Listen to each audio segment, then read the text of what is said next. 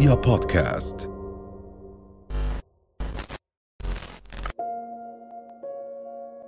عقل المثقف يراقب نفسه. ألبير كامو. من الأشياء القيمة اللي استفدت منها وتعلمت أني أعملها في حياتي هي غسل الدماغ. غسل دماغي أنا. لأنه بكل الأحوال في مرحلة ما في حياتك هناك من سيقوم بعملية غسيل دماغ لإلك. العالم اللي عايشين فيه دايما بيلاحقك ليقوم بهذه العملية. بالبيت بالشارع الميديا الإعلانات المدرسة. في كل مكان هناك من يترصد لغسل دماغك ويخترق اللاوعي عندك. بيحاولوا يكونوا جزء من نظام التصديق والاعتقاد ليسيطروا أو يأثروا على قراراتك. كل الاجتماعات اللي بتحصل في قسم التسويق والإعلانات هي بالضبط تعمل لأجل العبث في ال belief system اللي عندك. عشان تاخذ قرار شراء هذا المنتج أو ذاك. هذا مش إقناع هذا غسيل دماغ. وهكذا تعمل بقية الأشياء حواليك. باللحظة اللي بتسيطر على عقول الناس تقدر تسيطر على ما يصنعونه في الواقع. إذا إذا كان دماغي سيغسل بكل الأحوال ليش ما أنا نفسي أقوم بعملية الغسيل هذا؟ النتائج من هذه العملية عظيمة ولكنها بتحتاج بعض الإصرار وقوة إرادة وفهم كيف اللاوعي عندك بيشتغل. اولا اللاوعي دائما يلتقط ويسمع ويرى أشياء ويسجلها بشكل مستمر على مسجل أو hard drive ضخم بسجل ذكرياتك وتجاربك كأنها فيلم. العقل الباطن يقبل الصور اللي بتستقبلها وبتقبلها على مستوى الوعي ولكن ما عنده القدرة على رفض أو تقبل أي شيء وغير قادر على التفريق بين ما هو حقيقي وما هو متخيل. اللاوعي لا يعرف المستقبل هو يعرف فقط الحاضر. لهيك هو بيسيطر على الجزء الأكبر في حياتك الحالية. هو اللي بيشكل عاداتنا سلوكياتنا اعتقاداتنا. التكرار هو ما يخلق الإيمان بشيء معين في اللاوعي. عيد وكرر شغلة معينة لفترة معينة بعدها راح تآمن فيها حتى لو كانت مزيفة وغير حقيقية. لهيك في العقل الباطن هناك عاداتك سلوكياتك وكل ما تؤمن به. الصورة الخاصة عنك اللي زرعتها في مستوى تحت مستوى الوعي. ما تعتقده عن نفسك وعن قدراتك وعن إمكانياتك والخارطة والنموذج عن حقيقة من أنت، لهذا السبب عقلك هو شيء قيم والكل بيتقاتل ليسيطر عليه. لهيك إحنا بحاجة إلى إعادة برمجة للاوعي.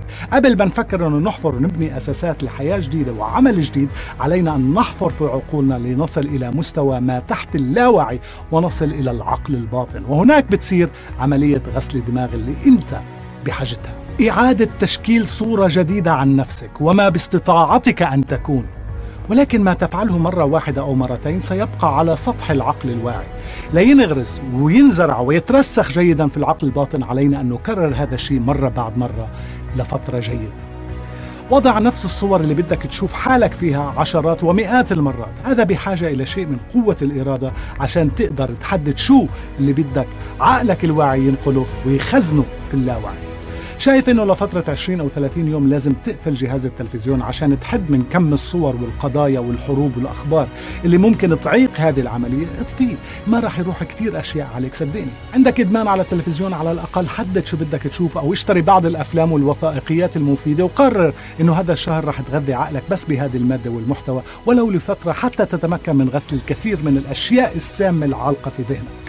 نفس الشيء مع ال social media وهذا أخطر لأنه غريب كيف عم بينصنع واقع جديد إلنا هناك وعم بنكون هويات جديدة لأنفسنا غير حقيقية ومؤذية من كثرة الأخبار الحقيقية والكاذبة وكلاهما يعمل بنفس المستوى لتغيير واقعنا برامج وتقارير وأغاني وأشعار تمس أوتار الروح عنا عشان نرى الواقع فجأة في هيئة مشوهة. خلونا نصدق ونآمن أنه إحنا بهذا المستوى من الأخلاق. أصبحنا لا نؤمن بالأفضل بل بالأشياء الأكثر صخبا وتشويشا واضطرابا اللي بتتجاوب وبتتلائم مع أعصابنا المتعبة. وعندما نناقش هذه الأخبار فيما بيننا لا نستخدم عقولنا نستخدم أعصابنا وتوتراتنا وكل الصور العنيفة المخزنة في عقلنا الباطن. اللاوعي قادر على معالجة الكثير من الأشياء خارج مستوى الوعي اللي ترتبط بالإبداع وإيجاد الحلول لمشاكلنا اللي بنعيشها. من استطاع أن يغسل دماغه وعقله الباطن من كل هذه التوترات والصور البشعة وقادر أنه يعطي الوقت للتفكير وملء جميع الفجوات وربط الأشياء بين بعضها هو اللي عنده فرصة الحصول على أفكار عظيمة. الإبداع لا يأتي فقط عندما نركز بوعي عقلاني على حل مشكلة خلاقة. يمكن يجد حل مشكلة أو أمر سهل وبسيط نعم ولكن عندما نحاول حل مشكلة عميقة ونريد إجابة فعالة نحن بحاجة لأن نسمح للعقل الباطن بأن يعمل. وحتى بعدها ممكن نشعر بأنه الحدس بدأ يوصل إلى حدود الوعي. هون بنبلش نشعر براحة في نفوسنا بأنه هناك جواب قادم. بصيبك شعور مثير على حدود الوعي. هذا هو الجواب اللي عم بيقرب وما أن يصل إلى الوعي هون بتيجي لحظة الآها أو اليوريكا أو وجدتها.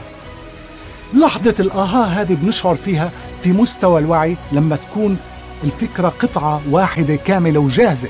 أنت بتعتقد إنه وعيك هو اللي جمع هذه القطعة الصغيرة أو البازل لحل المشكلة ولكن بالحقيقة هو العقل الباطن اللي كان شغال طول الوقت.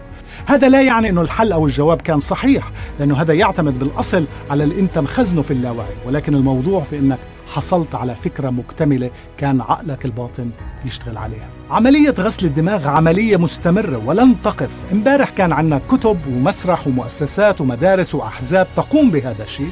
اليوم التلاعب بالوعي العام أصبح تكنولوجيا وهناك محترفون يقودون هذه العملية قادرين أنه يخلوا التلاعب بالوعي شيء غير ملحوظ عشان يؤمن المتلاعب به بأنه كل ما يجري طبيعي ومحتوم.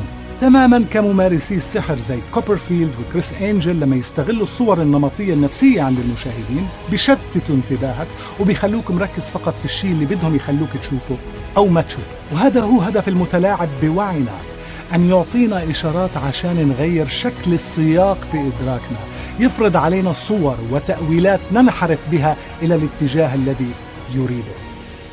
من يريد أن يبني دفاعات ضد محاولات التلاعب بوعيه عليه أن يتخطى تحجر الفكر. مهما كنت تعتقد أن عقلك محصن هناك من عنده الجلد وسيظل يحاول إيجاد المفتاح ليدخل دماغك ويعبث فيه كما شاء لخلق أفكار ورغبات وأهداف جديدة تعمل لصالحه فقط. سلام.